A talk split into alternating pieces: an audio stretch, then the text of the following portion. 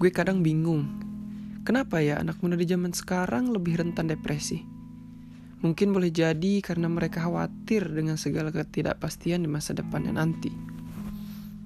Nah, berangkat dari sini, gue iseng ya bikin podcast ini dan tertarik banget ngomongin masalah ini atau semacamnya kayak quarter life crisis, terus mungkin kerjaan kita yang gini-gini aja, atau mungkin kehidupan kita yang nggak sebaik teman kita gitu.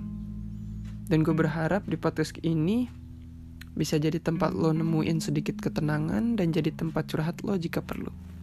Dan semoga lo dapet lang yang lo punya lalu suka sama podcast ini. Selamat mendengarkan.